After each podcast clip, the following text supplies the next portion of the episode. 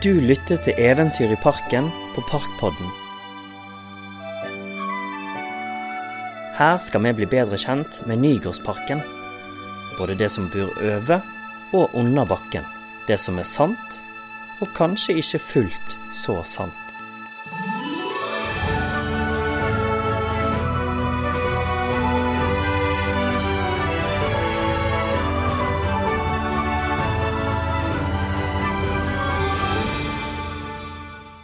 Hei, jeg heter Lina. Og jeg heter Magda. Vi er Eventyr i parken, og vi elsker spennende historier. Og nå er vi ute for å se etter nye historier her i Nygårdsparken. Ja, det er veldig spennende å tenke på alt som har skjedd her. Eh, Magda, ser du den lille karen der? Han står altså her i evig givakt. Trofast dag ut og dag inn. Ja, Nygårdsgutten heter han. Det er en veldig fin skulptur, syns jeg, men det er litt trist når du går nærmere og leser inngraveringen. For da står det 'til minne om de falne Nygårdsgutter under andre verdenskrig'. Ja, men det er jo fint at de ikke blir glemt. De falne Nygårdsguttene. Det pleier å være kransnedleggelse her. Ja, det er sant. Vet du forresten hvem som har laget skulpturen? Nei? Det er en som het Sofus Madsen.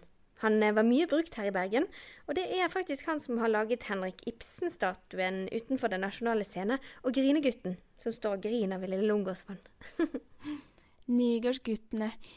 De var i Nygårdsbataljonen, altså bauekorpset her på Nygård. Jeg har faktisk lest at Nygårdsbataljonen var en av de første organisasjonene som drev med organisert fotball i Norge. Ja, de skrev til eh, England etter regler og ball. Stilig. Jeg vet noe annet om eh, Nygårdsbataljonen. Har du hørt om slaget? Nygårdsslaget? Nygårdsslaget? Ja. Eller Nordneslaget. Det kommer nok veldig an på hvem du spør. Jeg kom over noe info om dette på nettet. Jeg fant det skildret av Olaf Brynildsen. Han levde på den tiden. Og han var bauekorpsgutt. Og han var til stede.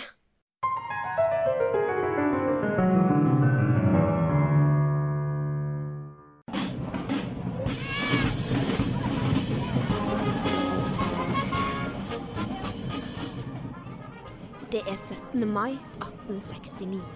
Vi er i union med Sverige, men feirer likevel Norges grunnlov. Bauekorpset fra Nordnes, Nordnesbataljonen, har fått seg ny fane. Fra før har de fane med bilde av vikingkongen Olav Tryggvason på. Nå har de fått en ny med bilde av selveste Karl den 15., visekongen av Sverige. Bauekorpsene samles for 17. mai-tog. Kanskje årets viktigste dag for et bauekorps. Her er det viktig å ta seg godt ut for å få frem hvem som er byens beste bauekorps. Nordnesbataljonen tropper stolt opp med sin nye Karl den 15.-fane. Se på fanen til Nordnes. En mann som rider på en gris. Hei! Hva er det dere sier? Jo, den mannen på fanen. Det ser ut som han rider på en gris. Det er kongen. Tenk å fornærme både Nordnesbataljonen og kongen på en dag som denne. Stemningen var ikke god. Dere, se, se, se på fanen! Grisen i 17. mai-toget! Se på grisen! I, i ræven, det er det han skulle hatt. Han skulle hatt skikkelig deng. Nordnes samlet seg og diskuterte heftig. En fornærmelse av de og sjølveste kongen. Det gikk langt over streken. Så var de klare. Dere, nå blir det kamp. Hei, i morgen skal vi se hvem som forsvarer faren sin best. Møt oss på høyden på Nygård, så skal vi se hvem som ser ut som en gris etter det.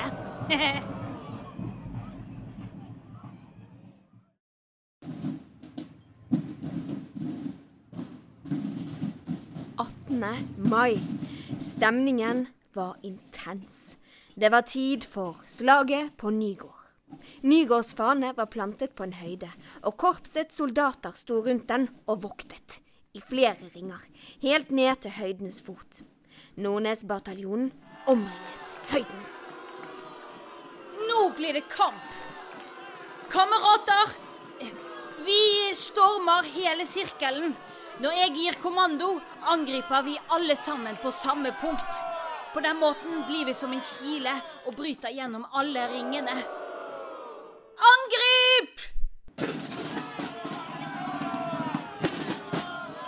Guttene stormet mot hverandre. Tenk å være med på et ekte slag. Her kunne man ikke gi seg før seieren var i boks. Baukorpsgutten Olafen var også med, men han hadde ikke uniform. Så han sto midt på høyden og samlet sammen tregevær som krigsbytte. Aldri før hadde han eid noe tregevær, og nå kunne han plukke så mange han orket. Tre stykker hadde han huket tak i nå. Men idet han skulle snike seg derifra, ble han oppdaget. Hei, du! Hva er det du holder på med? Oh! Et slag i ryggen. Og Olafen falt så lang han var. To av geværene mistet han. Det tredje gjemte han godt. Det skulle være hans seierstrofé. Olafen så at Nordnes-guttene kom seg gjennom ringene og oppover mot fanen. Så ble det slagsmål på toppen av høyden. Nygårds fanebærer la seg ned med fanen under seg, og Nordnes-guttene reiv i han. Du kan ikke ligge på han! Slipp han! Så fikk Nygårdsguttene et angrep mot Nordnesfanen, og det ble et forferdelig spetakkel og forvirring, og det var jo umulig å få orden på troppene, fordi det var jo ikke noen som ble liggende, som det egentlig er i et ekte slag. De løp fram og tilbake som galne. Nordnes fanebærer forsvarte sin fane tappert. Den ble flekkete av blodet hans. Guttene kjempet i 20 eller 30 minutter. Det er vanskelig å si. Ingen vet helt sikkert. Det var liksom ingen som passet på å ta tiden i kampens hete. Så ble kampen blåst av, og Nordnes gikk av med seieren. Nordnes sin fane var flekkete av fanebærerens blod. Ja, ikke den med Karl på grisen. Den fanen de hadde tatt med, var den gamle med bilde av Olav Tryggvason på. Og den fikk det ærerike navnet Blodfanen. Og den har de tatt vare på til den dag i dag.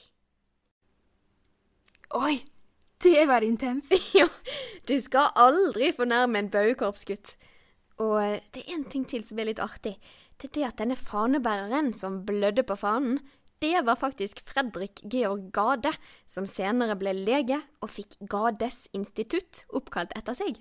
Er det sant? Ja, Men var det sikkert at det var Nordnes som vant? det er visst en diskusjon som pågår den dag i dag, så dette tør jeg ikke å si helt, helt sikkert. Men enkelte rykter sier at Nordnes-sjefen blåste av kampen på et tidspunkt da Nordnes hadde overtaket. Brannsjefen i byen hadde visst også kommet til og ville begynne å arrestere folk. Men blodfan det er stille, da. Ja, det er jo det. Det kan være blodig alvor med bauekorps. Ja. Og hvis dere vil høre flere historier fra parken, sjekk ut andre episoden av Parkpodden. Vi høres.